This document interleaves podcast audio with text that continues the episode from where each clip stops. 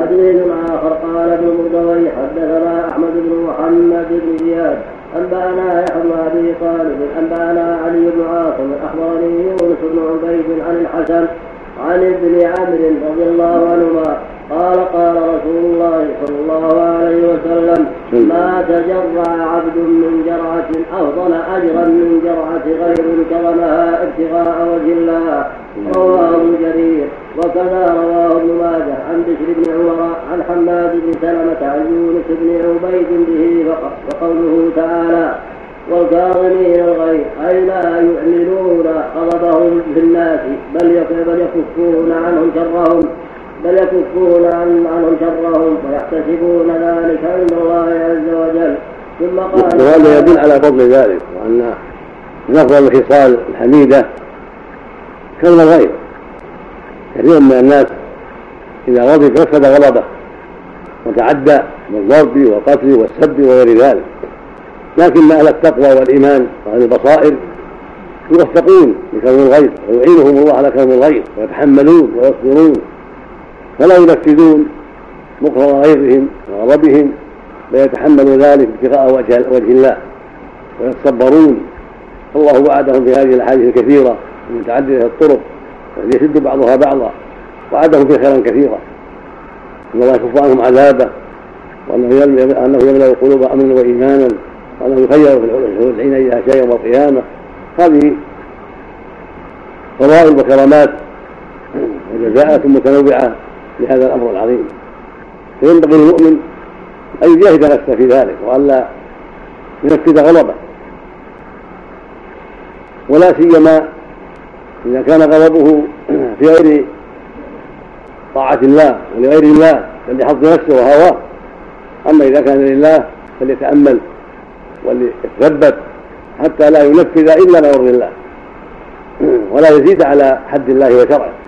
أما إذا كان لحظ نفسه وهواه على ولد أو زوجة أو جار أو قريب أو غير ذلك فليحذر تنفيذ الغضب وليتحمل وليصبر لعل الله جل وعلا يرزقه هذا الخير العظيم. من كون الله يكف عنه عذابه يوم القيامة ويكف عنه غضبه يوم القيامة ويملا قلبه أمنا وإيمانا ويغيره الحور عين ايها شاء وهذا فضل عظيم وخير كبير. نعم. اللهم المستعان نعم. سهل بن معاذ بن أنس الجهني نزيل مصر نعم. نعم. سهل بن معاذ نعم. بن أنس الجهني نعم. نزيل مصر لا بأس به إلا في روايات إلا في روايات جدان عنه نعم. من الرابعة. البخاري في الأدب المفرد وأبو داوود والترمذي وابن ماجه. نعم. عبد الرحمن نعم. أبو مرحوم عبد الرحمن بن ميمون. أي نعم نعم. عبد الرحيم بن ميمون مدني. نعم. أبو مرحوم نزيل مصر. صدوق زاهد من الثالثة مات سنة ثلاث أو أربع ثلاث وأربعين وقيل اسمه يحيى الأربعة. عبد الرحيم بن ميمون مدني. أبو مرحوم نزيل مصر. صدوق زاهد من السادسة مات سنة ثلاث وأربعين وقيل اسمه يحيى. فلهذا يكون هذا الإسناد لا بأس به. حسن في نفسه حسن في نفسه ومع ذلك له طرق أخرى. نعم. نعم. نعم. ثم قال تعالى ولا حتى حتى يخيره في العين ايها شاكر عنه اللي قبل هذا ما بعد الشهر حتى يخيره في العين ايها شاء نبي مرحوم عن سالم بن معاذ عن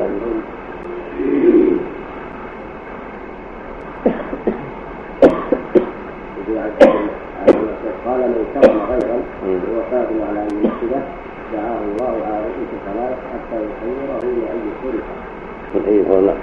نعم ما شاء إيش الله علاقته يا شيخ؟ نعم. إيش علاقته بجدان؟ إذا كان هو ضعيف جداه ضعيف لكن هذا من غير طريق جداه من طريق هذا من طريق ابي مرحوم قل فيما رواه عنه. هو عنه يعني سهل نعم ثم قال تعالى ولا دين عن الناس أي مع كف الشر يعفون عمن ظلمه في أنفسهم فلا يبقى في أنفسهم موجدة على احد موجدة على أحد. وهذا أكمل الأحوال. ولهذا قال تعالى والله يحب المحسنين. وهذا من مقامات الإحسان ومن حديث ثلاث أقسم عليهن ما نقص مال من صدقة وما زاد الله عبدا بعفو إلا عزا ومن واضع لله تواضع تواضع ومن تواضع لله رفعه الله. وهذا كله يدل على أن من مقامات الإحسان ومن صفات المحسنين الإنفاق في السراء والضراء يعني في الشده والرخاء وفي العلن والسر مع كلم الغيب والعفو عن الناس الصفح والعفو. هذا كله من خصال المحسنين ومن صفات الكرماء والاجواد نعم.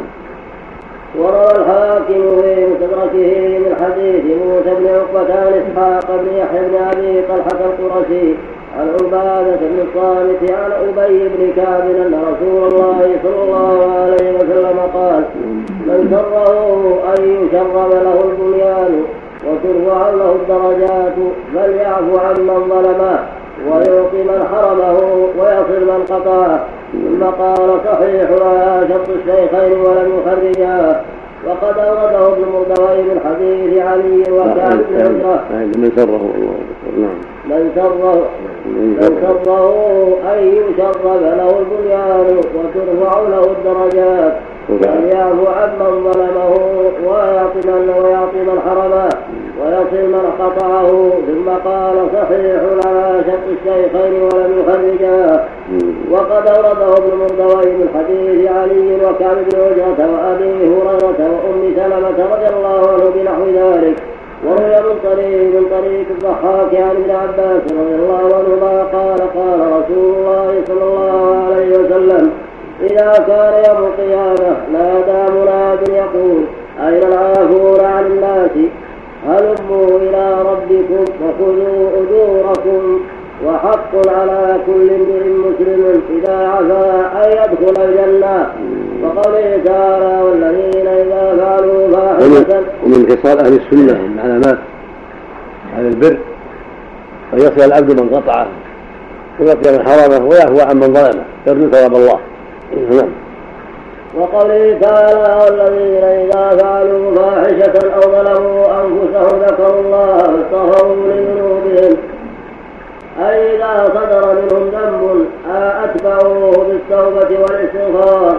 قال الإمام أحمد حدثنا يزيد حدثنا همام بن يحيى حدثنا همام بن يحيى عن إسحاق بن عبد الله بن أبي طلحة عن عبد الرحمن بن أبي عمران عن ابي هريره رضي الله عنه النبي صلى الله عليه وسلم قال إن رجلا أذنب ذنبا فقال رب إني أذنبت ذنبا فاغفره لي فقال الله عز وجل عبدي عمل ذنبا فعلم أن له ربا يغفر الذنب ويأخذ به قد غفرت لعبدي ثم عمل ذنبا آخر. فقال رب إني عملت ذنبا فاغفروه. فقال تبارك وتعالى فاغفره لي.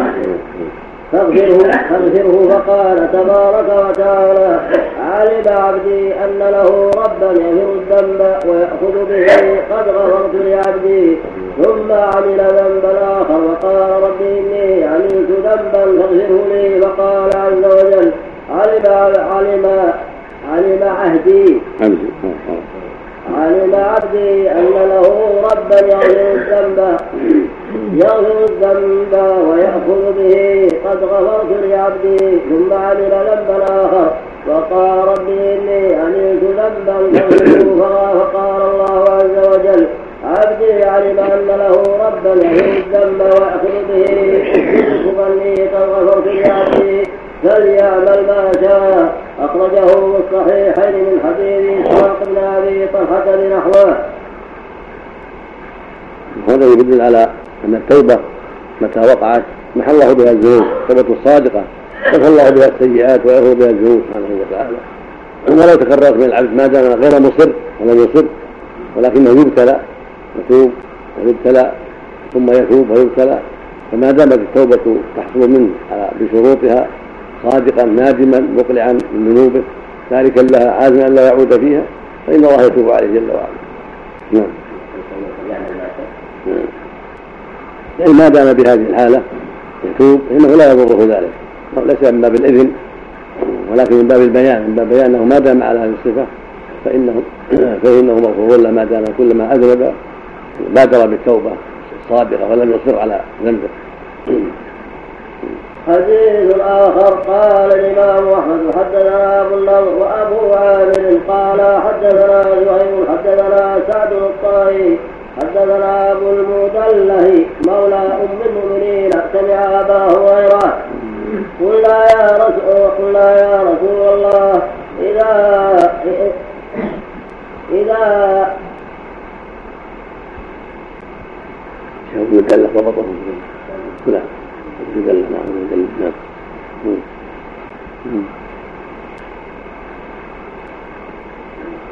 عندنا عندنا عندنا قال الإمام أحمد حدثنا أبو النضر وأبو عامر قال حدثنا زهير حدثنا سعد بن الطائي حدثنا أبو المدله مولى أم المؤمنين سمع أبا هريرة قلنا يا رسول الله إذا نظرناك رب إذا رأيناك رقت قلوبنا وكنا من أهل الآخرة وإذا فارقناك أعجبتنا الدنيا وشمعنا النساء والأولاد. شممنا وشممنا النساء والأولاد وقال لو أنتم تكونون على كل حال على الحال التي كنتم عليها عندي لصالحتكم الملائكة بأكفهم ولزار ولزارتكم في بيوتكم. ولو لم تظلموا لجاء لجاء الله بقوم يظلمون كي يغفر لهم. قلنا يا رسول الله حدثنا عن الجنة ما بناها قال لبنة ذهب ولبنة فضة وما بناطها المسك الأكثر وحسباؤها اللؤلؤ والياقوت وترابها الزعفران من يدخلها ينعم لا لا ييأس. لا يبأس. لا يبأس. ويخلد لا يخلد لا يموت. لا تبلى ثيابه ولا يفنى شبابه.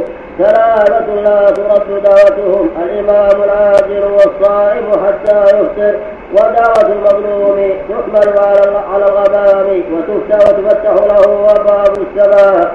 ويقول الرب عزتي لأنصرن ولأنصرنك ولو بعد حين. ورواه الترمذي وابن ماجه من وجه آخر من حديث سعد بن ورواه الترمذي وابن ماجه من وجه آخر. من حديث سعد له ويتأكد ويتأكد الوضوء وصلاة ركعتين عند التوبة لما رواه الإمام أحمد بن حنبل. حدثنا وكيع حدثنا مسعر وسفيان الثوري عن عثمان بن المغيرة الثقفي. عن علي بن بن ربيعة عن أسماء بن الحكم عن أسماء بن الحكم. عن اسماء بن الحكم الفزاري عن علي رضي الله عنه قال قلت إذا سمعت من رسول الله صلى الله عليه وسلم حديثا نفعني الله بما شاء منه وإذا حدثني عنه غيره استحلفته وإذا حلف لي صدقته وان ابا بكر رضي الله عنه حدثني وصدق أبو بكر أنه سمع رسول الله صلى الله عليه وسلم ما من رجل يذنب ذنبا فيتوضأ ويحسن الوضوء قال مسعر فيصلي. وقال سفيان ثم يصلي ركعتين ويستغفر الله عز وجل إلا غفر له. وهكذا رواه علي بن المديني والحميدي وأبو بكر بن أبي شيبة وأهل السنن. وابن حبان في صحيحه والبزار والدار قطني من طرق عن عثمان بن المغيرة به. وقال الترمذي وحديث حسن وقد ذكرنا طرقه والكلام عليه مستقبل في مسند أبي بكر الصديق رضي الله عنه. وبالجملة وهو حديث حسن وهو من, وهو من رواية أمير المؤمنين علي بن أبي طالب. عن خليفة عن خليفة النبي عن خليفة النبي صلى الله عليه وسلم أبي بكر رضي الله عنهما. ومما يشهد بصحة الحديث ما رواه مسلم في صحيحه عن أمير المؤمنين. على امير المؤمنين عمر بن الخطاب رضي الله عنه عن النبي صلى الله عليه وسلم قال ما منكم من أحد يتوضأ ويبلغ أو فيسبغ الوضوء. ثم يقول فيبلغ فيبلغ فيبلغ أو يسبغ الوضوء. نعم. ثم يقول أشهد أن لا إله إلا الله وحده لا شريك له وأشهد أن محمدا عبده ورسوله إلا فتحت له أبواب الجنة الثمان يدخل من أيها شاء. وفي الصحيحين عن أمير المؤمنين عثمان بن عفان رضي الله عنه أنه توضأ لهم وضوء النبي صلى الله عليه وسلم ثم قال سمعت النبي صلى الله عليه وسلم يقول من توضا نحو وضوء هذا ثم صلى ركعتين ما يحدث فيهما نفسه غفر له ما تقدم من ذنبه. فقد ثبت هذا الحديث من رواية الأئمة الأربعة الخلفاء الراشدين عن سيد عن سيد الأولين والآخرين ورسول رب العالمين كما دل عليه الكتاب المبين من أن الاستغفار من الذنب ينفع العاصين وقد قال عبد الرزاق أخبرنا جعفر بن سليمان عن ثابت عن أنس بن مالك رضي الله عنه قال بلغني أن إبليس حين نزلت هذه الآية والذين إذا فعلوا فاحشة ظلموا أنفسهم ذكروا الله فاستغفروا لذنوبهم.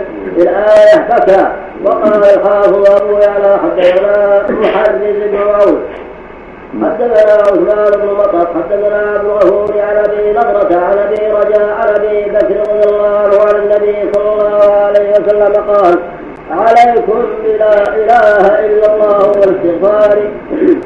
قال أكثروا منهما فإن إبليس قال أهلكت الناس بالذنوب وأهلكوني بلا إله إلا الله والاستغفار فلما رأيت ذلك. سند تمام وقال الحافظ أبو يعلى. حدثنا محرز بن نعم. محرز بن عون حدثنا عثمان بن مطر حدثنا عبد الغفور عن أبي نضرة عن أبي رجاء عن أبي بكر رضي الله عنه عن النبي صلى الله عليه وسلم قال عليكم بلا إله إلا الله والاستغفار فاكثروا منهما فإن إبليس قال اهلكت الناس بالذنوب واهلكوني بلا إله إلا الله والاستغفار فلما رأيت ذلك أهلكتهم بالأهواء وهم يحسبون أنهم مهتدون. يعني يعني بالبدع. فإن له بدع لأنهم لا يتوبوا منها يحسبون أنها أنهم على هدى. فلهذا زين له بدع حتى لا يتوبوا منها نسأل الله. نسأل الله العافية. يظنون أنهم على إصابة وعلى تقوى. لا حول ولا قوة إلا بالله. نعم. عثمان بن بطر وشيخه ضعيفان وروى الإمام أحمد في مسنده من طريق عبد بن أبي عمرو وابي الهيثم العتواري عن أبي سعيد عن النبي صلى الله عليه وسلم قال قال إبليس يا رب وعزتك لا أزال أغوي بني أغوي بني آدم. ما دامت الراح في أجسادهم؟ وقال الله تعالى وقال الله تعالى وعزتي وجلالي لا أزال أغفر لهم ما استغفروا لي. وقال الحافظ ابو بكر البزاق حدثنا محمد بن مثنى هذا؟ البزاق؟ الله. حيث تقدم في أبي هريرة جرى هناك رخص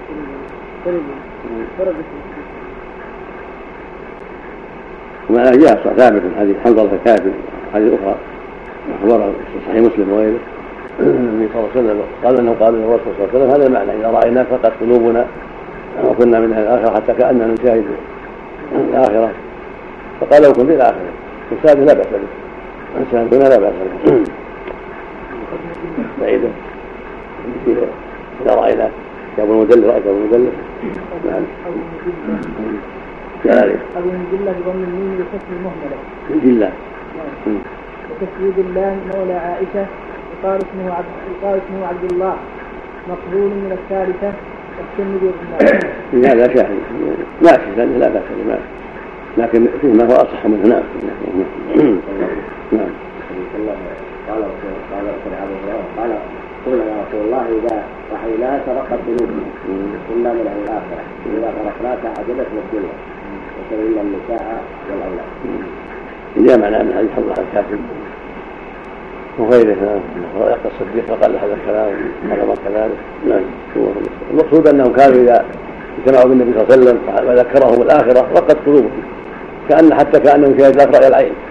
فإذا انصرفوا إلى نسائهم وأولادهم وضيعاتهم نسوا كثيرا. مما سمعوا من النبي صلى الله عليه وسلم فقال لهم ما قال أما إنه لو دمتم على ما تكونون لصفعتكم الملائكه ولا ولكن ولكن انظر ساعة وساعة ساعة للدنيا وأمور المعيشة والضيعات وساعة للآخرة والعمل الصالح بعض العامة من المعاصي ساعة وسائل ساعة للمعاصي هذا غلط منكر ولكن ساعة المصائب ساعة لأمور الدنيا والحاجات الدنيوية من البيع والشراء وإصلاح الزراعة وأشبه ذلك نعم والأنس بالعائلة والضحك معهم ونحو ذلك. وتارة للعمل الصالح. نعم.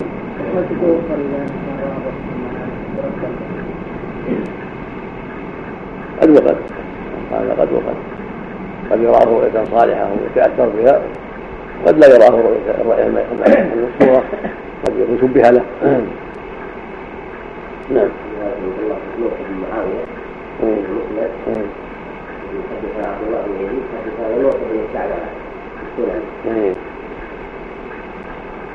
طيب صار اللي عنده الفقهاء في خطأ لمحمد الدعوة كما هو كما هو صح نعم ابي عمرو بن انس بالتهديد صلى الله عليه وسلم الثاني عشر أبو عمير بن عبد الله. تكلم عليه تكلم يقول كان أكبر ولد انس قال الحاكم أبو أحمد اسمه عبد الله. نعم. انه هذا المسألة هذا نعرفه أبو عبيد ما فيها. ما فيها. نعم. ما نعرفه ذكر غيره أبو عبيد اخر نعم الله نعم المعلوم ان حصبه أيضا حصبه اي الحصبة اي التهديد ما يدرك الا ابن ابي حصبه نعم نعم المعلوم يا شيخ ان ابليس ما شهد غير الله سبحانه وتعالى ابى ان يشهد لله ومع ذلك لا يقسم دائما الا بعزه الله لعلمه بهذا لعلمه لعلمه بان الله ربه وان عزته عظيمه ولكن الله انظره لحكمه بالغه وبعزة الله لو وبعزته لو انه أجمعين. يعرف يخشى العقوبة لو لو لو خالف الأمر بعد ذلك بعد ما فرضه الله وبعده نعم ولهذا لما غر الناس بدر ورأى نصر الله نكص على عقب فرض نعم نعم. رجع حتى الان نعم. نعم نعم بسم الله الرحمن الرحيم الحمد لله رب العالمين والصلاة والسلام على أشرف المرسلين نبينا محمد وعلى آله وصحبه أجمعين. قال الإمام ابن كثير رحمه الله تعالى وقال الحافظ أبو بكر بن حدثنا محمد بن المثنى حدثنا عمر بن خليفة سمعت ابا ذر يحدث عن ثابت عن أنس قال جاء رجل فقال يا رسول الله إني أذنبت ذنبا. فقال رسول الله صلى الله عليه وسلم إذا أذنبت إذا أذنبت فاستغفر ربك. فقالها في الرابعه وقال استغفر ربك حتى يكون الشيطان هو المحصور. وهذا حديث غريب من هذا الوجه. وبه قال والمعنى أن الإنسان لا يمل من الاستغفار. ولا ييأس من رحمة الله ولا يقنط بل لا يزال يستغفر حتى يطمئن قلبه وحتى يكون الشيطان هو المحسوب هو الذي تصيبه المشقة وتصيبه الحسرة عند توبة ابن آدم. لأن الشيطان يفرح أن يبقى العبد على معاصيه وسيئات حتى يكون إلى النار. فإذا تاب العبد وندم ساء هذا الشيطان وندم الشيطان واستحسر الشيطان لأنه رأى العبد نجا من ذنبه. وهو لم ينجو من ذنبه بل استمر على طغيانه وعناده وكفره فصار منظر إلى النار نعوذ بالله. فالعبد بتوبته لله واستغفاره ربه وتكراره الاستغفار يرضي ربه ويؤلم الشيطان ويحزن الشيطان. وقوله تعالى ومن يغفر الذنوب ومن يغفر الذنوب إلا الله. اي لا يغفرها أحد سوى كما قال الإمام أحمد حدثنا محمد بن مصعب حدثنا سلام بن مسكين والمبارك عن الأسود بن شريع أن النبي عن الأسود بن شريع قال الإمام أحمد حدثنا محمد بن مصعب حدثنا سلام بن مسكين والمبارك عن الأسود بن شريع أن النبي صلى الله عليه وسلم اتي بأسير فقال اللهم إني أتوب إليك ولا أتوب إلى محمد. وقال النبي صلى الله عليه وسلم عرف الحق لأهله. وقوله ولم يصروا على ما فعلوا وهم يعلمون. أي تابوا من ومعنى أن التوبة إلى الله لأنه كان كافرا والكافر أعظم قد أتى أعظم الذنوب وأعظم الشرور. فالتوبة من هذا تكون إلى الله سبحانه وتعالى. كما بهذا قال اللهم إني أتوب إليك ولا أتوب إلى محمد. قال هذا عرف الحق لأهله الحق في التوبة لله سبحانه وتعالى هو الذي يتاب إليه ويستغفر جل وعلا. ومن يغفر الذنوب إلا الله سبحانه وتعالى. أما إذا كان حق المخلوق مثل ظلمه وتعدى عليه فمن كان التوبة أن يستسمح هذا الرجل ويضمن العفو عن حقه. أما الذنوب التي حق الأذن فيها كلها لله وحده المغفرة لله وحده. حق الله يتاب إليه سبحانه وتعالى. حق المخلوق لا بد يستسمح منه لأن له حق إذا ظلم بقتل أو غرب أو أخذ ماله. فلا بد في التوبة مع التوبة إلى الله ومع اللجأ إلى الله واستغفاره. لا بد في هذا أيضا من استسماح المخلوق وإرضائه أو طلب عفوه حتى يسقط حقه. بالسماح أو بالمعاوضة نعم. نعم. نعم. والمبارك عن الحسن عن الحسن عن الحسن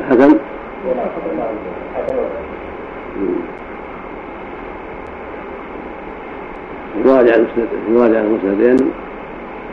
هو الظاهر بين سلام مسكين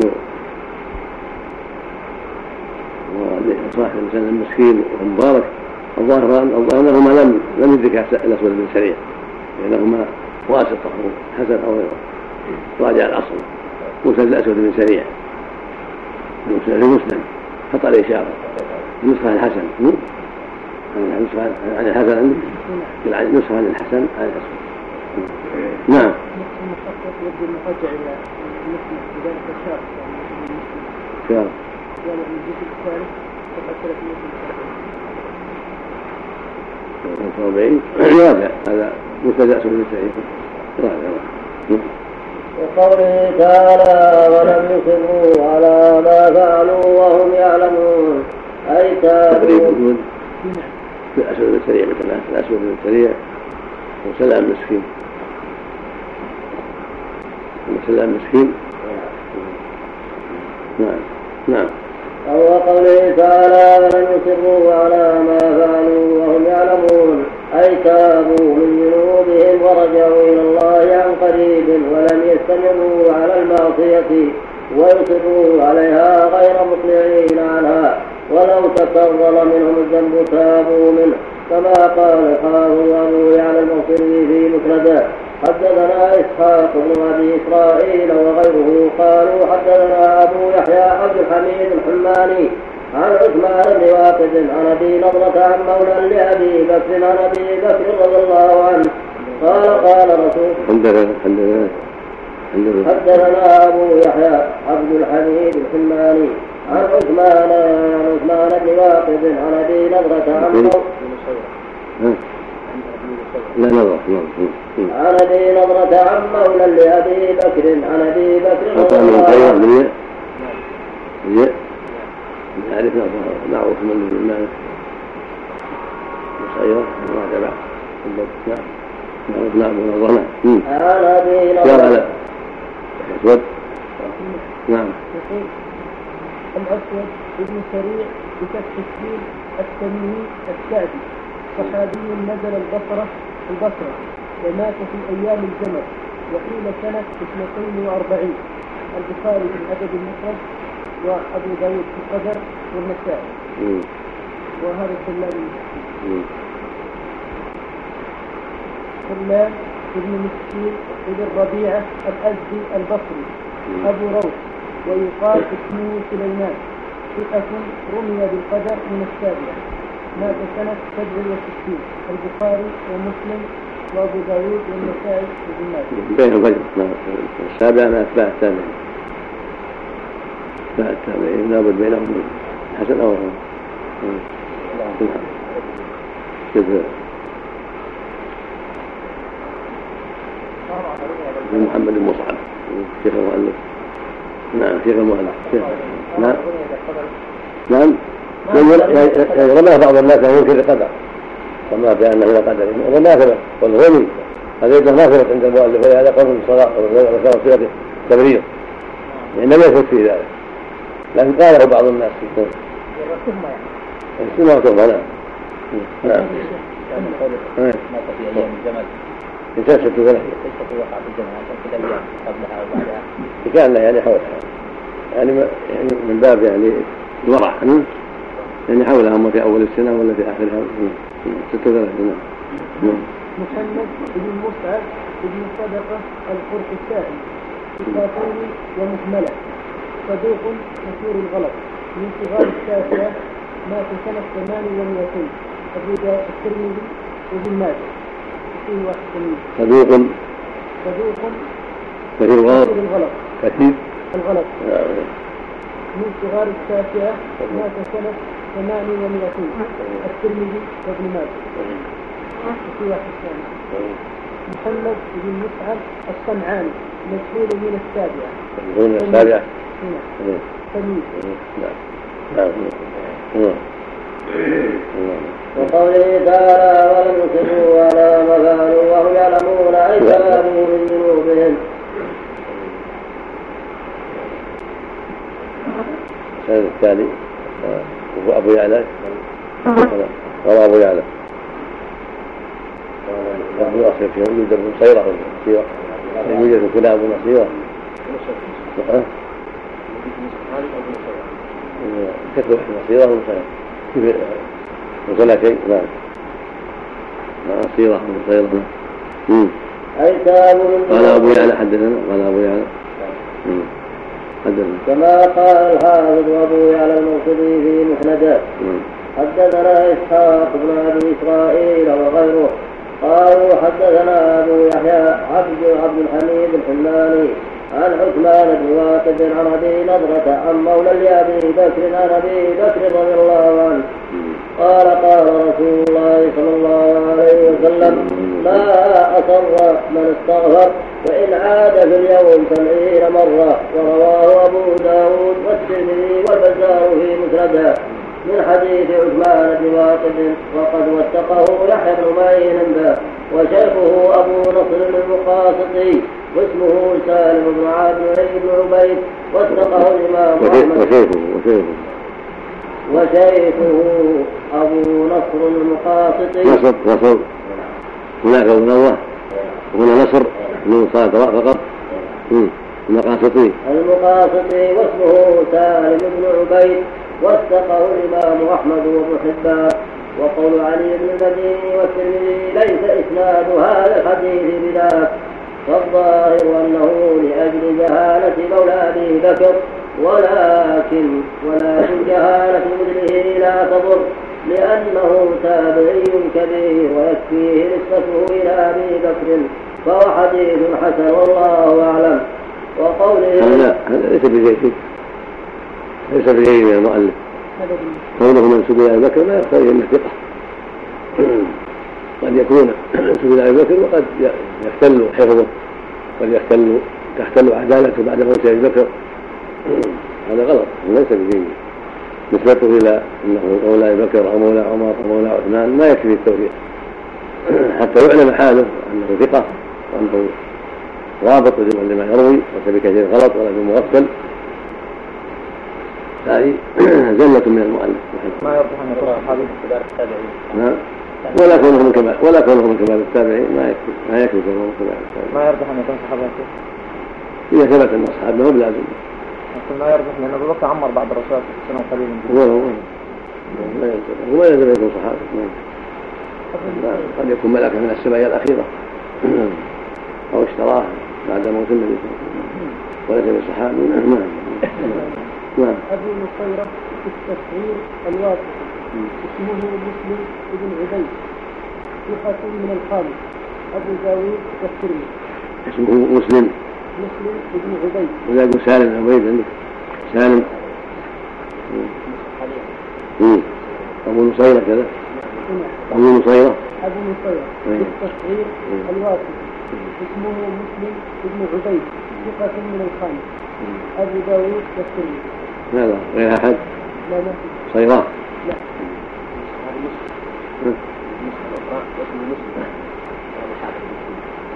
عندكم إنسان كثير مسلم. وعندكم سالم سالم. نعم. نعم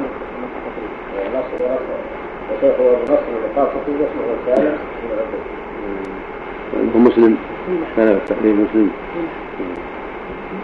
راجع بعد خلاصة التقريب راجع الخلاصة التقريب نعم. قال الله. نعم.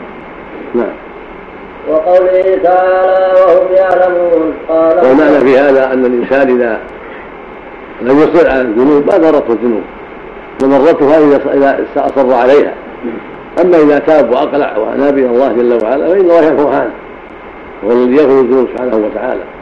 وإني لغفار لمن تاب وآمن وعمل ثم تاب. فأصر من استغفر. الله يقول ولا يصروا. يعني يقيموا على المعاصي. فمصيبة الإقامة عليها وعدم التوبة. أما من تاب منها وأقلع وندم فإنها لقول ذنب يمحوها الله عنه عز وجل. نعم. نعم.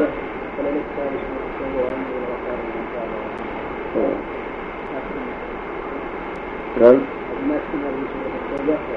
هذا من كماله من كمال لأن الأحاديث الصحيحة الأخرى ليس فيها شر. هذا من كمالها وكمالها ولهذا قد جاءت الحديث الأخرى أيها توبوا توبة نصوحا وأتوبوا إلى الله أيها لعلكم تفلحون وأطلق التوبة تجب ما قبلها. نعم. كثير التردد على لكن من كمالها إتباعها بالأعمال الصالحة. نعم. نعم كثير التردد على المعاصي وكذلك التوبة. على كل هذا بينه وبين ربه إذا كان يتوب توبة ما قبلها. وقال إنها هذه والأمر بينه وبين الله عز وجل. والمؤول على ما بينه وبين الله. ويؤخذ بما فعل من الذنوب ويعاقب عليها بما يستحق إذا ثبتت عليه. وأمره بينه وبين الله سبحانه في صحة التوبة. نعم. استمر على الإيمان. يعني استمر على إيمان. يعني يعني استقام على إيمانه ولم يرجع عنه. العافية. وقوله تعالى وهم يعلمون قال مجاهد وعبد الله بن عبيد بن عبيد وهم يعلمون أن من تاب تاب الله عليه وهذا كقوله تعالى ألم يعلموا أن الله هو يقبل التوبة عن عباده؟ وقوله ومن يعمل سوءا أو يظلم نفسه ثم يستغفر الله ثم يستغفر الله يجد الله غفورا رحيما. ونظائر هذا كثيرة جدا. وقال الإمام أحمد حدثنا يزيد وأنبأنا جرير حدثنا حبان. حدثنا حبان وهو وهو ابن زيد الشرابي عن عبد الله بن عبد عن النبي صلى الله عليه وسلم أنه قال أنه قال وهو على المنبر ارحموا ارحموا واغفروا يغفر لكم. ويل لأقباع القول ويل للمصرين الذين يصرون على ما فعلوا وهم يعلمون. تفرد به أحمد. حدثنا حمد الله حدثنا وقال الإمام أحمد حدثنا يزيد وانبانا جرير حدثنا حبان وهو ابن زيد الشرابي وهو ابن زيد الشرابي عن عبد الله بن عمرو عن النبي حبان وحبان بن زيد الشعبي الله المستعان عن النبي. نعم مع القول. ولا يمر بأذنه ولا يستفيد. يعني يسمع ولا ينتفع. الأذن طبع إذا مر بها القول ولكن ما يستفيد توبة ولا ندم ولا إقلاع فهو المصير نسأل الله العافية. ويل لهم بخلاف الذي إذا سمع أناب وتاب وندم نعم. غير ارحموا ترحموا ارحموا ترحموا وأغفروا ويغفر لكم. ويل لأقباع القول ويل للمسرين الذين يصرون على ما فعلوا وهم يعلمون. تفرد به أحمد. ثم قال تعالى بعد وصفهم من بما وصفهم به أولئك جزاؤهم مغفرة من ربهم أي جزاؤهم على هذه الصفات. مغفرة من ربهم وجنات تجري من تحتها الأنهار. عليه من أنواع المشروبات خالدين فيها أي ماكثين فيها. ونعم أجر العاملين يمدح تعالى الجنة. هذا هذا جزاء من تاب. من تاب صادقا. واستغفر صادقا جزاؤه جنة ومغفرة. والأنهار العظيمة الجارية وفوز كبير. بسبب توبته الصادقة وعمله الصالح. بخلاف من أصر وثبت على المعاصي وهو توعد بالنار. غضب الجبار نسأل الله السلامة ولا حول ولا قوة إلا بالله. بارك نعم. اللهم صل نعم. نعم ابن زيد الشرعي بفتح المعجمة ثم راء ساكنة ثم مهملة مفتوحة ثم موحدة. أبو السداس بكسر المعجمة وآخره معجم ثقة من الثالثة. أخطأ من زعم أن له صحبة ثقة من الثالثة؟ نعم ثقة من الثالثة. نعم. أخطأ من زعم أنه أن له صحبة البخاري في أدب المفرد باب ذلك بجد حبان بن جزء جزء أو جزء من الله بجد حبان بن هذه أدب أو جدع من الله بس حبان بكسر الحجر هنا كلها بكذا يسمع حبان بكسر هنا في حبان بن هلال حبان بن هلال أعرفهم هذا في ذكر في لمن ذكر اسمه حبان حبان بن موسى عندك داخل بن موسى حبان بن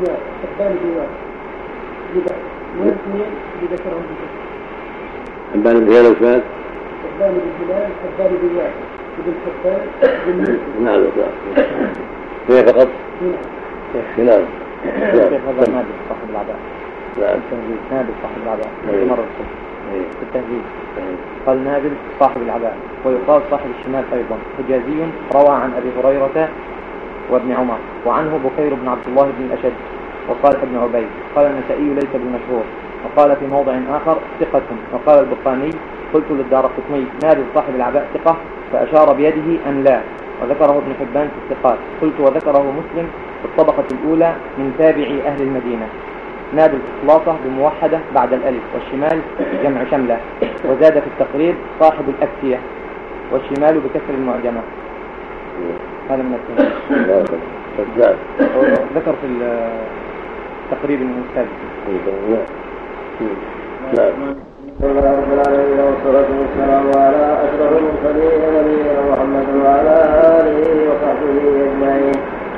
قال الإمام ابن كثير رحمه الله تعالى في تفسير قوله تعالى قد خلت من قبلكم سنن فسيروا في الأرض وانظروا كيف كان عاقبة المكذبين. هذا بيان للناس وهدى وموعظة للمتقين. ولا تهنوا ولا تحزنوا وأنتم الأعلون إن كنتم مؤمنين. إن يمسسكم قرح فقد مس القوم قرح مثله وتلك الأيام نداولها بين الناس وليعلم الله الذين آمنوا ويتخذ منكم شهداء ويتخذ منكم شهداء والله لا يحب الظالمين ويمحص الله الذين آمنوا ويمحق الكافرين. أم حسبتم أن تدخلوا الجنة ولما يعلم الله الذين جاهدوا منكم ويعلم الصابرين؟ بسم الله رب العالمين والصلاة والسلام على أشرف المرسلين نبينا محمد وعلى آله وصحبه أجمعين. قال الإمام ابن كثير رحمه الله تعالى في تفسير قوله تعالى قد خلت من قبلكم سنن فسيروا في الأرض وانظروا كيف كان عاقبة المكذبين هذا بيان للناس وهدى وموعظة للمتقين. ولا تهنوا ولا تحزنوا وأنتم الأعلون إن كنتم مؤمنين. إن يمسسكم قرح فقد مس القوم قرح مثله وتلك الأيام نداولها بين الناس وليعلم الله الذين آمنوا ويتخذ منكم شهداء ويتخذ منكم شهداء والله لا يحب الظالمين ويمحص الله الذين آمنوا ويمحق الكافرين. أم حسبتم أن تدخلوا الجنة ولما يعلم الله الذين جاهدوا منكم ويعلم الصابرين؟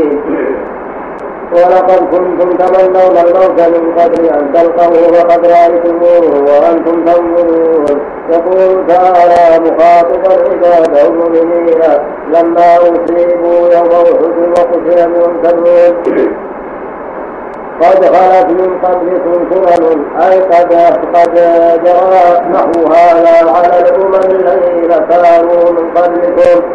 على الأمم الذين كانوا من قبلكم من أتباع الأنبياء ثم كانت العاقبة لهم والدائرة على الكافرين ولهذا قال تعالى فسيروا في الأرض فانظروا كيف كان عاقبة المكذبين.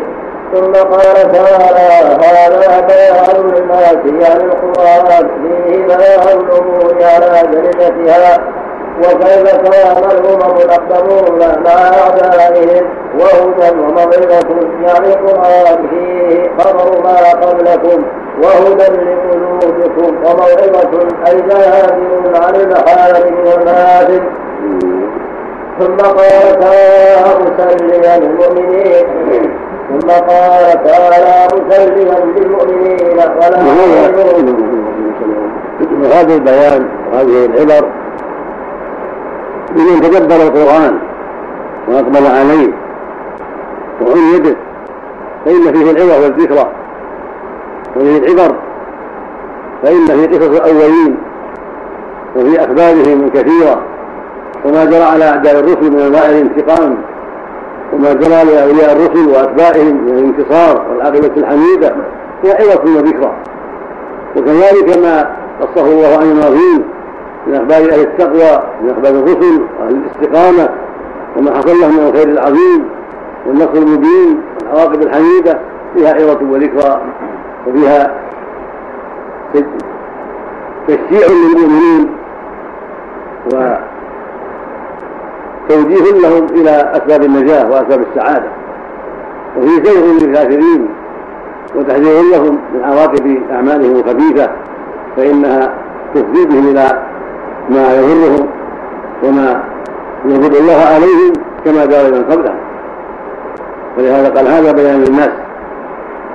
بين الله فيه أحوال الأمم بين الله فيها احكامه بين الله فيها أسباب السعادة بين الله فيها أسباب الهلاك بين فيها أسباب النصر وأسباب الهزيمة أسباب غضب الله وأسباب رضاه بين فيه سبحانه وتعالى صفات الاطهار صفات الأشرار. صفات المتقين صفات المجرمين صفات أهل الجنة صفات أهل النار. ليتعظ طالب النجاة ويتاكد من مضى قبله من أهل الإيمان والتقوى وليحذر من عواقب الذنوب وشرها وما أصاب أهلها فيما مضى من المستعان ثم قال تعالى مسليا للمؤمنين ولا تهنوا اي لا تضعفوا بسبب ما جرى. ولا تحزنوا وأنتم الأعلون إن كنتم مؤمنين. أي العاقبة والنصرة لكم أيها المؤمنون. إن يمسككم قرح فقد مس القوم قرح مثله أي إن كنتم قد اصابتكم نعم انهم الاعلون والله وعدهم النصر. وان جرى عليهم هزائم وجراح فالعاقبه لهم. فالعلو ثابت لهم. ولو جرى عليهم ما جرى فلهم العلو عند الله وعند المؤمنين ولهم العاقبة الحميدة ولهم السعادة في الدنيا والآخرة. هم العلون إن كانوا مؤمنين. كيفما كانت الحال فهم العلون لأنهم فائزون برضا الله فائز بأسباب السعادة قادرون على ما أصابهم فلهم العلو المعنوي والحس الحقيقي إذا صبروا واحتسبوا واستقاموا فلهم العاقبة. ولهذا نصرهم الله بعد ذلك و صارت لهم العاقبة الحميدة وصار على أعدائهم الذل والهوان والهزائم. يا أيها الذين آمنوا إن تنصروا الله ينصركم ويثبت أقدامكم. وكان حقا على نصر المؤمنين. إنما ينصرن الله من ينصره إن الله لقوي عزيز. إلى أمثال هذه الآية. نعم. إن يمسككم قرح فقد مس القوم قرح منه أي إن كنتم قد أصابتكم جراح وقتل منكم طائفة فقد أصاب عباس قريب ذلك من قتل وجراء وتلك الأيام داودها بين الناس أي يزيل عليكم الأعداء تارة وإن كانت لكم العاقبة لما لما في ذلك من الحكمة. ولهذا قال تعالى وليعلم الله الذين آمنوا. قال ابن عباس لي مثل هذا لنرى من يصبر على مناجزة الأعداء ويتخذ منكم شهداء يعني يقتلون في سبيله يقتلون في سبيله ويبذلون مهجهم في مرواته والله هذا من حكم عظيمة يداوي الأيام بين الناس ينكر هؤلاء تارة وهؤلاء تارة ينكر حزبه تارة وينكر أعداؤهم تارة بأسباب ما قد يقع من حزبه من النقص والمعصية والتخريب وتلك أيام لا بين الناس. وليعلم الله الذين آمنوا يعلم كل شيء سبحانه وتعالى قبل أن يقع. أنه يسابق كل شيء. لكن من العلم هنا يعلمه خارجيا يعلمه موجودا في الخارج. ولهذا قال ابن عباس لنرى. يعني ليوجد المعلوم معلولا بين الناس. فإنه سبحانه لا يؤخذ بالعلم. ولكن يؤخذ بعمل العاملين فيعلم الشقي من السعيد صالح من الصالح ولكنه لا يؤخذ بهذا العلم حتى يوجد حتى يخرج يخرج إلى الوجود حتى يعمل المؤمنون أعمالهم الطيبة فيجبرون عليها وحتى يعمل أعداؤهم أعمالهم الخبيثة فيستحقون العقاب عليها. ويتخذ من شهادة لمن يتخذ من شهداء؟ ويميز بين الخبيث والطيب يتبين الصابر من غير الصابر والصابر من الكاذب والله جل وعلا يحتاجه شهداء يفوزون بجنته وكرامته ومنازل العالية سبحانه وتعالى وإن كانوا أحباءه وأولياءه قد يصطفي منهم شهداء. قد بذلوا مهجهم في سبيل الله ونفوسهم في طاعة الله فيعجلون إلى الجنة والكرامة ويكونون قدوة لغيرهم في الشجاعة والإحسان والسير والإحتساب. والله لا يحب الظالمين. ويمحص الله الذين آمنوا أن يكفر عنهم من ذنوبهم إن كانت لهم ذنوب. وإلا غفر لهم في درجاتهم بحسب ما أصيبوا به. وقوله ويلحق الكافرين. أي فإنهم إذا غفروا ما بغفروا ما بغوا وإذا غفروا بغوا بغوا وبطروا فيكون ذلك سبب دمارهم وهلاكهم وبحثهم وغنائهم ثم قال تعالى أم حسبتم أن تدخلوا الجنة ولما يعلم الله الذين جاهدوا منكم ويعلم الصابرين. أحسى حسبتم أن تدخلوا الجنة ولم تبتلوا بالقتال والشهادة ولم تبتلوا ولم تبتلوا بالقتال والشدائد كما قال تعالى في سورة البقرة أم حسبتم أن تدخلوا الجنة ولما يأتكم مثل الذين خلوا من قبلكم؟ مستهم البأساء والضراء الآية وقال تعالى ألم ألا ألم وقال تعالى ألم ألم حسب الناس أن يتركوا أن يقولوا آمنا وهم لا يسمعون الآية. ولهذا قال هنا أم حسبتم أن تدخلوا الجنة ولما يعلم الله الذين جاهدوا منكم ويعلم الصابرين ألا يحصل لكم دخول الجنة حتى تبتلوا وغير الله منكم المجاهدين في سبيله والصابرين على مقاومة الأعداء وقوله تعالى ولقد كنتم تمنون الموت من قبل أن تلقوه وقد رأيتموه وأنتم تنظرون أي قد كنتم أيضا مؤمنون قبل هذا اليوم فتمنون لقاء العدو وتحترفون على تحترفون عليه وتودون ما مناجدتهم ومكابرتهم فها قد حصل لكم الذي تمنيتموه وطلبتموه قد حصل لكم الذي تمنيتموه وطلبتموه فدونكم فقاتلوا وصابروا وقد ثبت الصحيحين أن رسول الله صلى الله عليه وسلم قال لا تتمنوا لقاء العدو واسألوا الله العافية.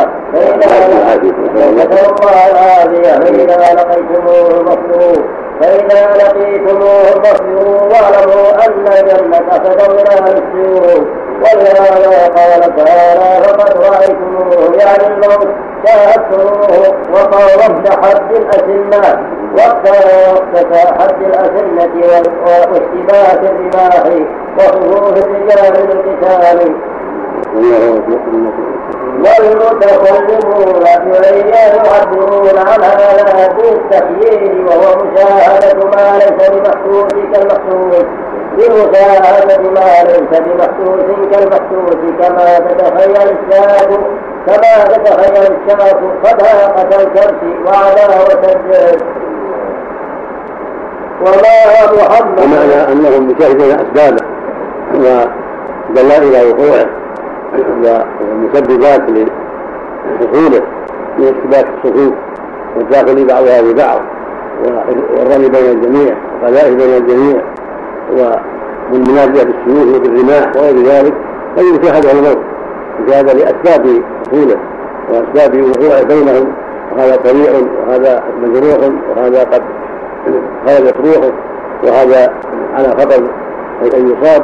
وقد شاهدوا أسبابه ودلائل ودلائل وقوعه وموجبات حصوله فليبادر ويشمل كل غرار في النجاة وغرار في السعادة في اخر نصيبه من هذه الأشياء التي كتبها وقدرها سبحانه وتعالى. وما محمد الا رسول قد خلت من قبله الرسل وفان مات قتل انقلبتم على اعقابكم ومن ينقلب على عقبيه فلن يضر الله شيئا. وسيجزي الله الشاكرين.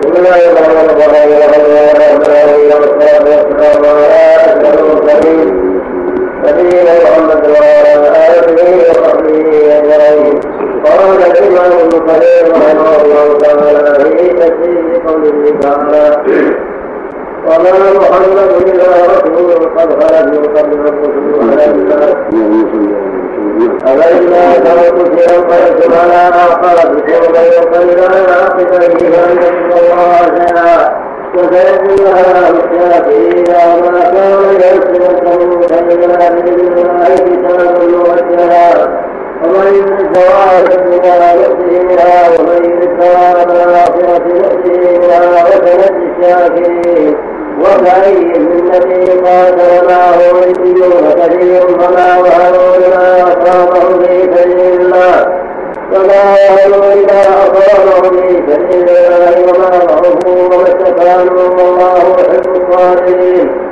وما كان قولهم إلا أن قالوا اغفر لنا ذنوبنا وإكرامنا في أمرنا وثبت أقدامنا وانصرنا على القوم الكافرين فآتاهم الله الدنيا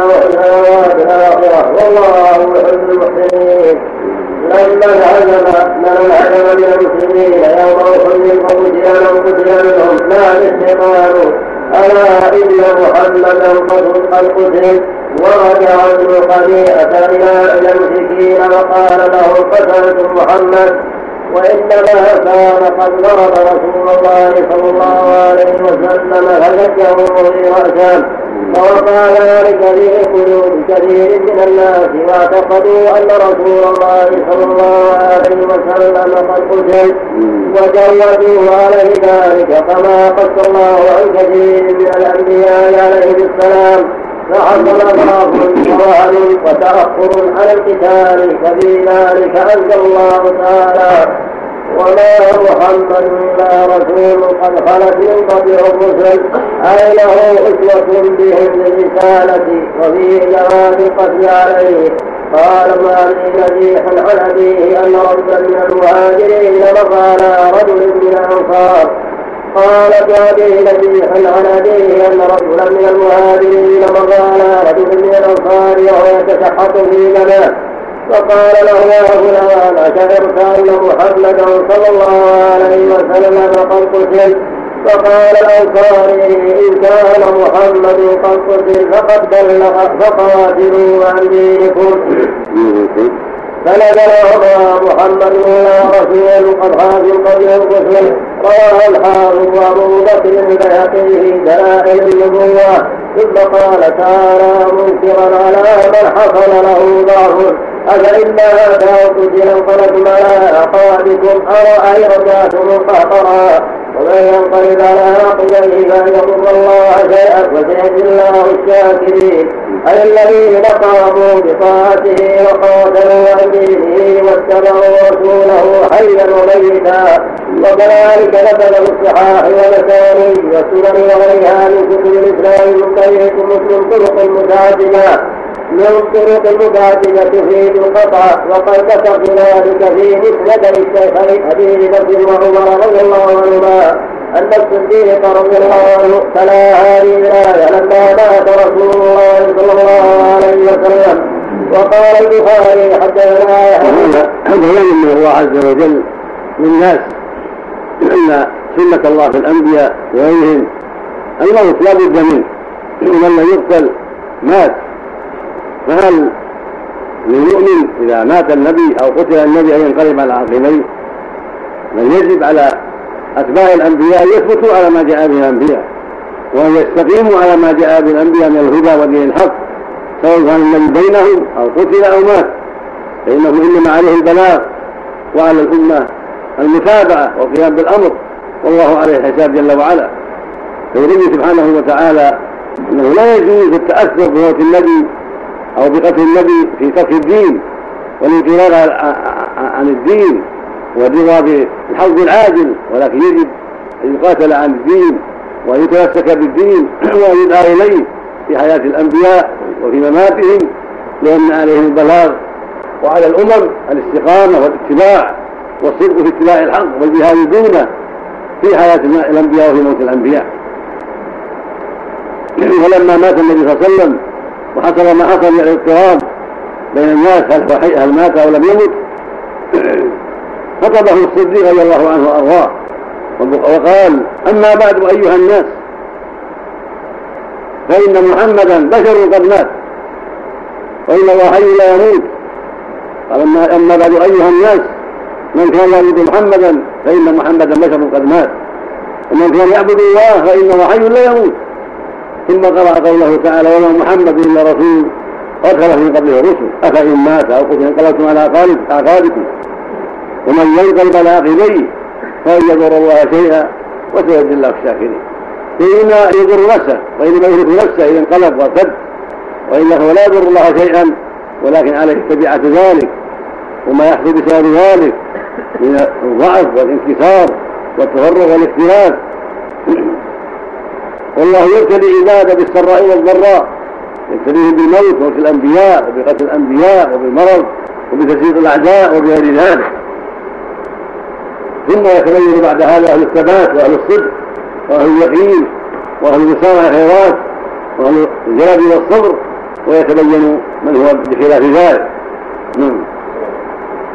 وقال البخاري حدثنا يحيى بن بكير حدثنا الليث عن القيد عن ابن شهاب اخبرني أبو سلمة أن عائشة رضي الله عنها أن عائشة رضي الله عنها أخبرته أن أبا بكر رضي الله عنه أقبل على فرس من مسكنه في السمع بالسلح حتى نزل ودخل المسجد فلم يكلم الناس فلم يكلم الناس حتى دخل على عائشة. حتى دخل على عائشة فتيمم رسول الله صلى الله عليه وسلم وهو مغطى بثوب الحريرة فكشف عن وجهه ثم كب عليه وقبله وبكى. ثم قال بأبي أنت وأمي والله لا يجمع الله عليك موتتين أما الموتة التي كتبت عليك وقد ملحقت متها. وقال الزهري وحدثني أبو سلمة عن ابن عباس أن أبا بكر خرج وعمر يكلم الناس. وقال ابن عمر قال ابو بكر اما بعد من كان يعبد محمدا فان محمدا قد مات ومن كان يعبد الله فإن الله حي لا يموت قال الله تعالى وما محمد إلا رسول قد خلت من قبله الرسل إلى قوله وسيأتي الله الشاكرين.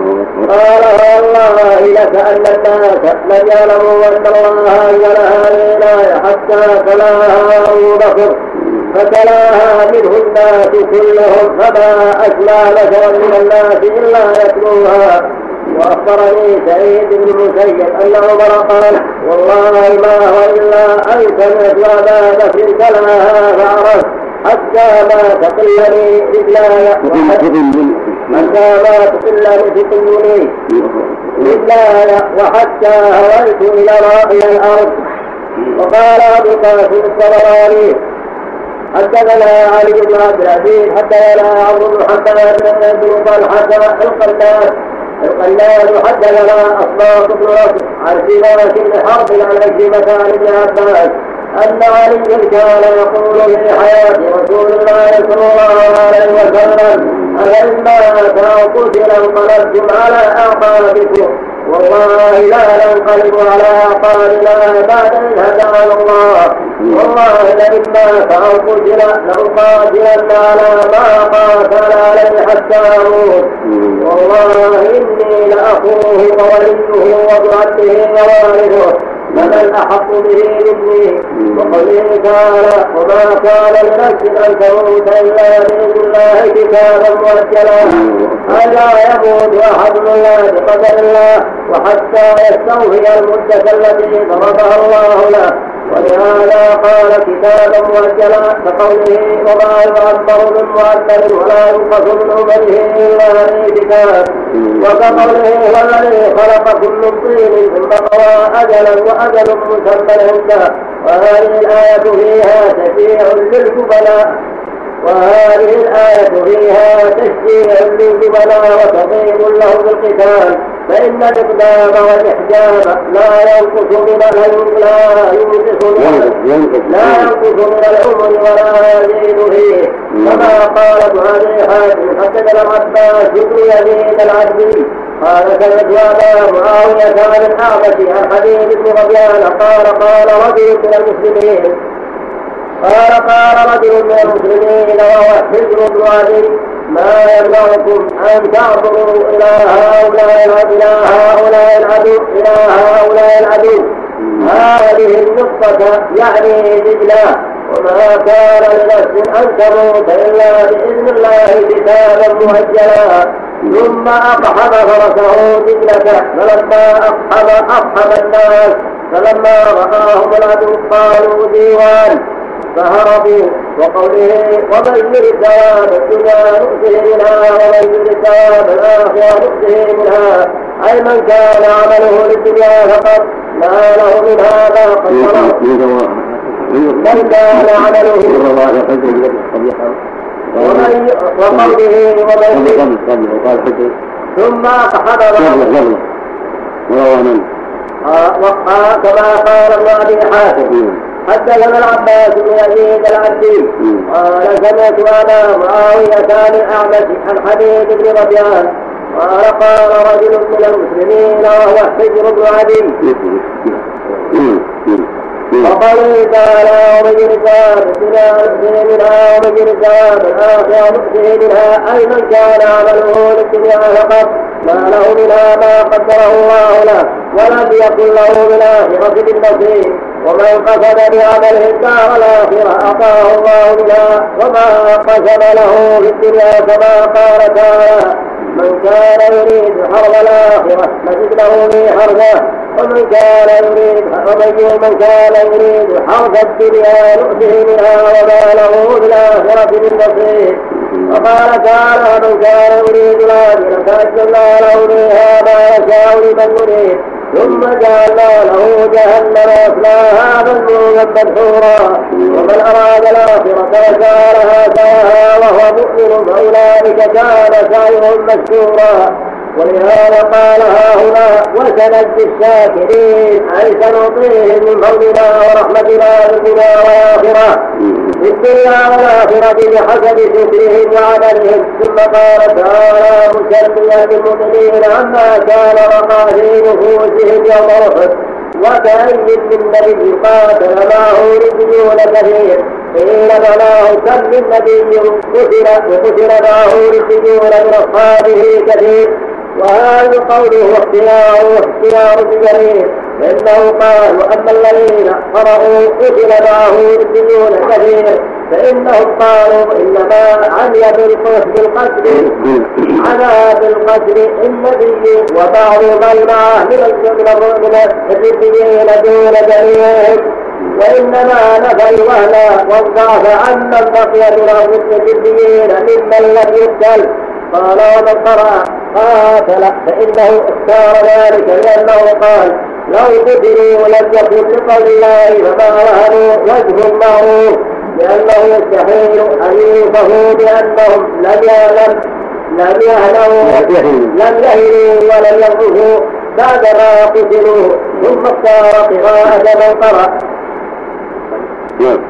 ثم اختار قراءة من قرأ قتل معه للسجون كثير لأن الله عاتب بهذه الآية والتي قبلها من انهزم يوم أحد وتركوا القتال لما سمعوا الصالح يصيح بأن محمدا قد قتل فعدلهم الله على على هرارهم وتركهم القتال فقال لهم أفإما قتل أيها المؤمنون ارتدتم عن دينكم وانقلبتم على أعقابكم وقيل وكم من نبي قتل بين يديه من أصحابه رسلون كثير وكلام ابن إسحاق في السيرة يقتضي قولا آخر فإنه قال وكأي من نبي أصابه القتل ومعه رسلون أي جماعات فما وهنوا بعد نبيهم وما ضعفوا عن عدوهم وما استكانوا بما أصابهم بالجهاد عن الله وعن دينهم وذلك الصبر. والله يحب الصابرين. فجعل قوله معه رسيون كثير حالا. وقد نصر هذا القول السهيلي وبالغ فيه وله اتجاه لقوله فما وهنوا لما أصابهم الآية. وكذا حكاه الأبوي في مغازيه الكتاب محمد بن إبراهيم.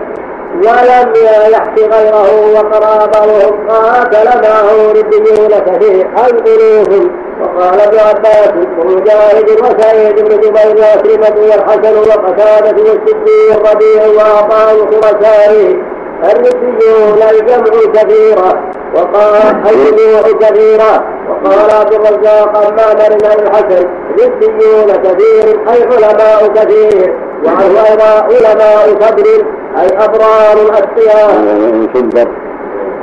علماء كبر أي أبرار الأتقياء وحكى جرير عن بعض عن بعض نحاة البصرة أن الربيين هم الذين يعبدون الرب عز وجل. وقال وما ورد بعضهم ورد بعضهم عليه. فقال لو كان كذلك لقينا الربيين الربيين بفتح الراء وقال ابن زيد الربيين الأتباع والرعية والربانيون الولاة وما وهنوا لما أصابهم في سبيل الله وما ضعفوا وما استكانوا. قال قتاده رضي الله وما ضعفوا بقتل نبيهم وما استكانوا ليقولوا فما ارتدوا عن نصرتهم ولا عن دينهم أو قاتلوا على ما قاتل عليه نبي الله. على ما قاتل عليه نبي الله حقه حتى لحقوا بالله. وقال ابن عباس وما استكانوا فخشوا. وقال ابن زيد وما بلغوا بعدوه وقال محمد بن إسحاق السدي وقتاده أي ما اصابهم ذلك حين قتل نبيهم؟ والله يحب الصابرين. وما كان قولهم إلا أن قالوا ربنا اغفر لنا ذنوبنا واسرافنا في امرنا وثبت اقدامنا وانصرنا على القوم الكافرين. أي لم أي لم يكن لهم هجين إلا ذلك. فأتاهم الله ثواب الدنيا أي النصر والظفر والعاقبة وقرة وحسن ثواب الآخرة أي جمع لهم ذلك مع هذا والله يحب المحسنين. يعني أن الله جل وعلا أعطاهم هذا وهذا. لما لم يضروا بل صبروا وقاتلوا وجاهدوا. جمع الله لهم خيرين ثواب الدنيا وحسن ثواب الآخرة. أعطاهم نصر في الدنيا ومنازل عالية في الآخرة في الجنة. وأجاب دعاءهم وغفر ذنوبهم. بسبب فضلهم وتقواهم وقيامهم بامر الله وعدم استكانتهم للأعداء. ومن قتل ففي سبيل الله وإلى الجنة والكرامة. ومن عاش قاتل وصابر وثبت على الحق حتى ينصر دينه وحتى يحصل ما اراد من هزيمة الأعداء ومن نصر دين الله عز وجل وإقامة الحق. وهكذا يكون أولياء الله وأنصاره. سبلا دائما. وإن قتل معهم من قتل وهم صبر دائما في القتال مجاهدون في سبيل الله. كيفما كان الحال؟ الله المستعان. الله المستعان. نعم. هذا لما رأوا ساروا على ما قالوا الديوان ديوان مكرر في الروايات الاخرى الجن جن ان هؤلاء جن ليسوا بانس يمشون على الماء. نعم. يا أيها الذين آمنوا إن تطيعوا الذين كفروا يردوكم على أعقابكم فتنقلبوا خاسرين. بسم الله بسم الله نعم. قول الحديث. الجيرة لهجتهم. الحجيد يعني لهجتهم وكلامهم ما لهم كلام الا ربنا اغفر لنا يردونها ويتكلمون بها نعم. ولذا يقال في المحرم هجراه ولبيك اللهم لبيك. نعم.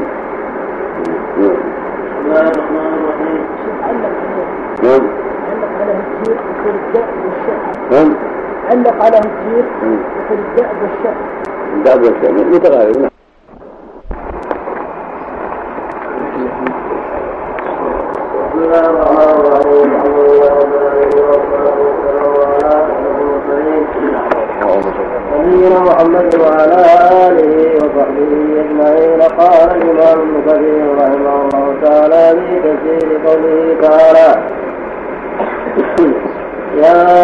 أيها الذين آمنوا إن تطيعوا الذين كفروا يردوكم على أعقابكم فتنقلبوا خاسرين. بل الله مولاكم وهو خير الناصرين سنلقي في قلوب الذين كفروا الرعب بما أشركوا بالله. بما أشركوا بالله ما لم ينزل به سلطانا ومضاهم النار وبئس مثوى الظالمين. ولقد صدقكم الله وحده إذ تحسونهم بإذنه حتى إذا فشلتم وتنازعتم في الأمر. وتنازعتم في الامر وعصيتم من بعد ما أراكم ما تحبون منكم من يريد الدنيا ومنكم من يريد الآخرة. ثم صرفكم عنهم ليبتليكم ولقد عفا عنكم والله ذو فضل على المؤمنين. إذ تصعدون ولا تمنون على أحد والرسول يدعوكم في أخراكم فأتاكم غما بغم لكي لا تحزنوا على ما فاتكم. لكي لا تحزنوا على ما فاتكم ولا ما أصابكم. والله خبير بما تعملون. يحذر تعالى عباده المؤمنين عن طاعة الكافرين والمنافقين. فإن طاعتهم تورث الغدا في الدنيا والآخرة ولهذا قال تعالى إن تطيعوا الذين كفروا يردوكم على اعقابكم فتنقلبوا خاسرين. ثم امرهم بطاعته وموالاته والاستعانة به والتوكل عليه. فقال تعالى فإنه مولاكم وهو خير الناصرين.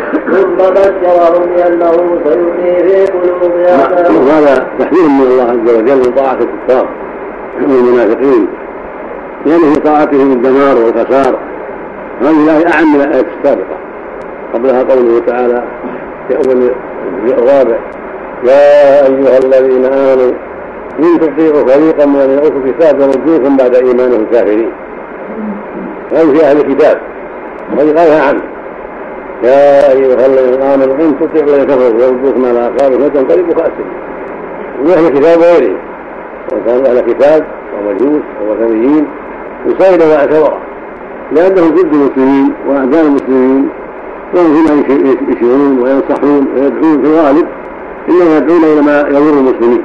فلهذا حذر الله من طاعتهم اتقاء لشرهم وحذر من مكرهم وكيدهم فالواجب التثبت فيما يقولون وفيما يريدون وفيما ينصحون وفيما يشيرون وألا يقبل منهم شيء في ذلك إلا ما عرف أنه حق وأنه صواب من غير كلامهم. اللهم المستعان ثم بشرهم بأنه سيؤتي بل الله مولاكم يعني هو أحق بالطاعة وأحق بالامتثال وأحق بالخشية. ومن به النصر ولهذا قوله خير الناصر سبحانه وتعالى. الواجب طاعته والتقرب إليه والحذر مما يسخطه والنصر بيده سبحانه وتعالى. كم من فئة قليلة غلبت فئة كثيرة بإذن الله والله مع الصابرين. نعم. ثم بشرهم بأنه سيلقي في قلوب أعدائهم الخوف منهم والذلة لهم بسبب كفرهم وشركهم. مع ما ادخره له في الدار الآخرة من العذاب والنكال وقال تعالى سنلقي في قلوب الذين كفروا الرعب بما أشركوا بالله ما لم ينزل به سلطانا. يعني بسبب إشراكهم الباباء السببية بسبب إشراكهم بكفرهم يلقي في قلوبهم الرعب. من المؤمنين. ولهذا جاء الحديث الصحيح انه قال نصرت بالرعب مسيرة شهر. والله يلقي في قلوب الأعداء الرعب من المؤمنين. إذا استقام المؤمنون وصدقوا وتكاتفوا ضد الباطل والله يعينهم ويثبتهم ويلقي في قلوب أعدائهم الرعب منهم حتى يذلوا وحتى يخضعوا لمطالب المؤمنين وحتى ينهزموا إن لم يجيبوا إلى دعوة المؤمنين. نعم. الله المستعان ونلقي في قلوب الذين كفروا بما أشركوا بالله ما لم ينزل به سلطانا ومأواهم النار وبئس مثوى الظالمين. وقد ثبت في الصحيح عن جابر بن عبد الله أن رسول الله صلى الله عليه وسلم قال أعطيت خمسا لم يعطهن أحد من, من الأنبياء قبلي. لم يعطهن أحدا من الأنبياء قبلي. نصرت لم يعطهن لم يعطهن أحد من الأنبياء قبلي. من الأنبياء قبلي نصرت بالقول مسيرة شهر وجعلت لي الأرض مسجدا وطهورا. وأحلت لي غنائم وأعطيت الشفاعة. وأعطيت الشفاعة وقال النبي يبعث إلى قومه خاصة وبعثت إلى الناس عامة. حدثنا محمد. بن أبي أبي عن سليمان التيمي عن؟ وقد ثبت في الصحيح عن جابر بن عبد الله. أن رسول الله صلى الله عليه وسلم قال أعطيت خمسا لم يعطهن أحد من الأنبياء قبلي وصرت بالروم مسيرة شهر وجعلت لي الأرض مسجدا وطهورا. وأحلت لي غنائم وأعطيت الشفاعة وكان النبي يبعث إلى قومه خاصة وبعث إلى الناس عامة. حدثنا حدثنا محمد مع قال الإمام أحمد. وقال الإمام أحمد.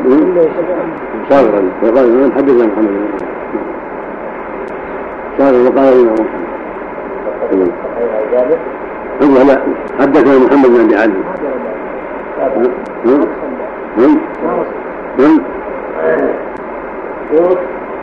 حدثنا محمد بن وكان يبعث إلى قوم خاصة وياتي الناس عامه مش بعدها عندكم عامه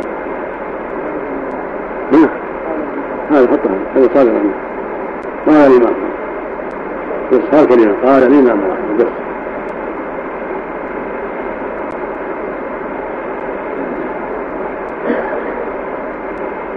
قال الإمام أحمد حدثنا محمد بن أبي يزيد عن سليمان التيمي عن سيار عن أبي أمامة أن رسول الله صلى الله عليه وسلم قال عن سيار عن سيار نعم. عن أبي أمامة أن رسول الله صلى الله عليه وسلم قال فضلني الله على الأنبياء أو قال على الأمم بأربع أرسلت إلى الناس كافة وجعلت لي الأرض كل كلها ولأمتي وجعلت لي الأرض كلها ولأمتي مسجدا وطهورا. وإنما أدركت رجلا من أمة الصلاة فعنده مسجده وطهورا. وأرسلت بالقرب مسيرة شهر يقدم في قلوب أعدائي وأحلت لي غنائم ورواه الترمذي من حديث سليمان التيمي عن سيان القرشي الأموي مولاه بن سكن البصرة عن أبي أمامة خدي بن عبدان خدي بن عبدان عن أبي أمامة عن سيار بن سيار عن سيار القرشي الأموي مولاه بن سكن البصرة ذكر البصرة عن ابي امامه ابي بن عجلان رضي الله عنه وقال حسن صحيح رضي الله عنه به نعم.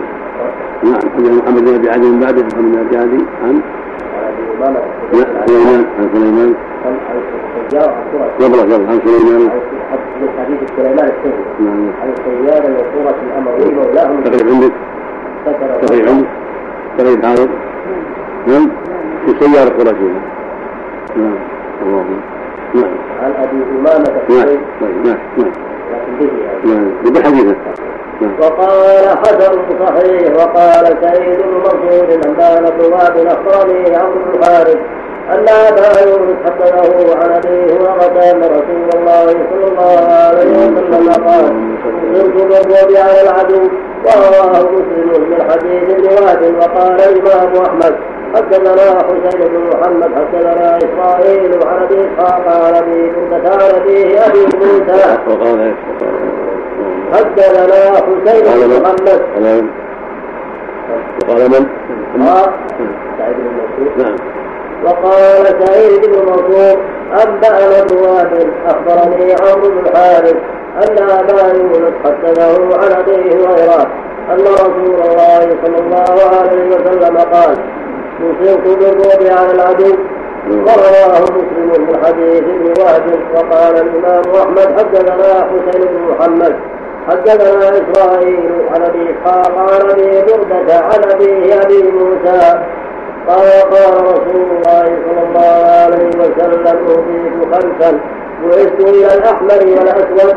وبيدت لي الأرض وبيدت لي الأرض طهورا ومسجدا وأحلت لي الغنائم ولم تحل من كان قبلي ونصرت بالروم مسيرة شهر وأطيب السماعة وليس من نبي إلا وقد سأل الشفاعة وإني قد اتبعت شفاعتي لمن مات لا يشرك بالله شيئا. تفرد به أحمد وروى العوفي عن ابن عباس في قوله تعالى فريقي في قلوب الذين كفروا الرعب قال قدر الله في قلب في قلب ابي سفيان الرعب فرجع إلى مكة وقال النبي صلى الله عليه وسلم إن أبا سفيان قد أصاب منكم طرفا وقد رجع وقدم الله في قلب الرعب رواه ابن أبي حاتم وقوله تعالى ولقد صدقكم الله وعده إن تحسونهم بنا قال ابن عباس وعده الله النصر. وقد استدل بهذه الآية على أحد القولين المتقدمين.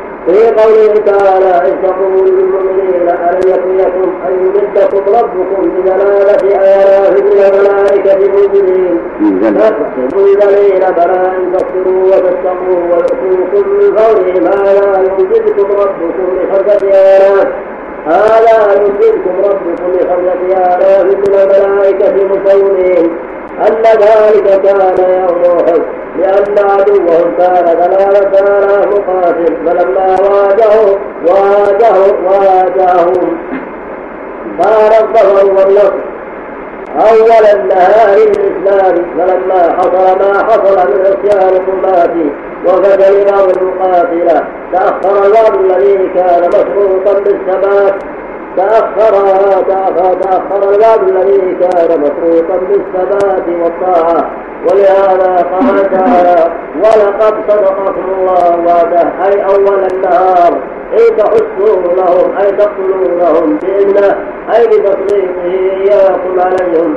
حتى إذا بشرتم وقال ابن قال ابن عباس الفشل الجبن وتنازعتم بالأمر وعصيتم كما وقع لكما من بعد ما أراكم ما تحبون ووصفوا بهم منكم من يريد الدنيا وهم الذين رغبوا في المغنم حين رأوا الهزيمة ومنكم من يريد الآخرة ثم صرفكم عنهم ليبتليكم. ثم أدى لكم عليهم عليهم ليختبركم ويمتحن ويمتحنكم ولقد عفا عنكم. أي غفر لكم ذلك الصنيع وذلك وذلك والله أعلم. بكثرة عدد العدو وعددهم وقلة عدد المسلمين وعددهم قال ابن جريج قوله ولقد عفا عنكم. قال لم يستأصلكم. وكذا قال محمد بن إسحاق. رواه ابن جرير. والله لله الحكمة بالغ وكان الكفار أربعة أضعاف المسلمين. كان المسلمون سبعمائة لما انخزل عبد الله بن أبي ومن معه كانوا باقون سبعمائة. مع النبي صلى الله عليه وسلم. وكان الكفار ثلاثة آلاف. لعدتهم وحددهم وحنقهم وكبريائهم وغير ذلك. فنصر الله المسلمين عليهم. وأيدهم وانهزم الكفار في أول الأمر. وسقطت رايتهم حتى لم يحمل هذا الامرأة ثم لما حصل الفشل والنزاع وخلال الرماة في الموقف حتى دخل الكفار من خلف المسلمين. صار ما صار من الهزيمة والذراع والقتل. ابتلاء وامتحانا ليعلم الله الصادقين.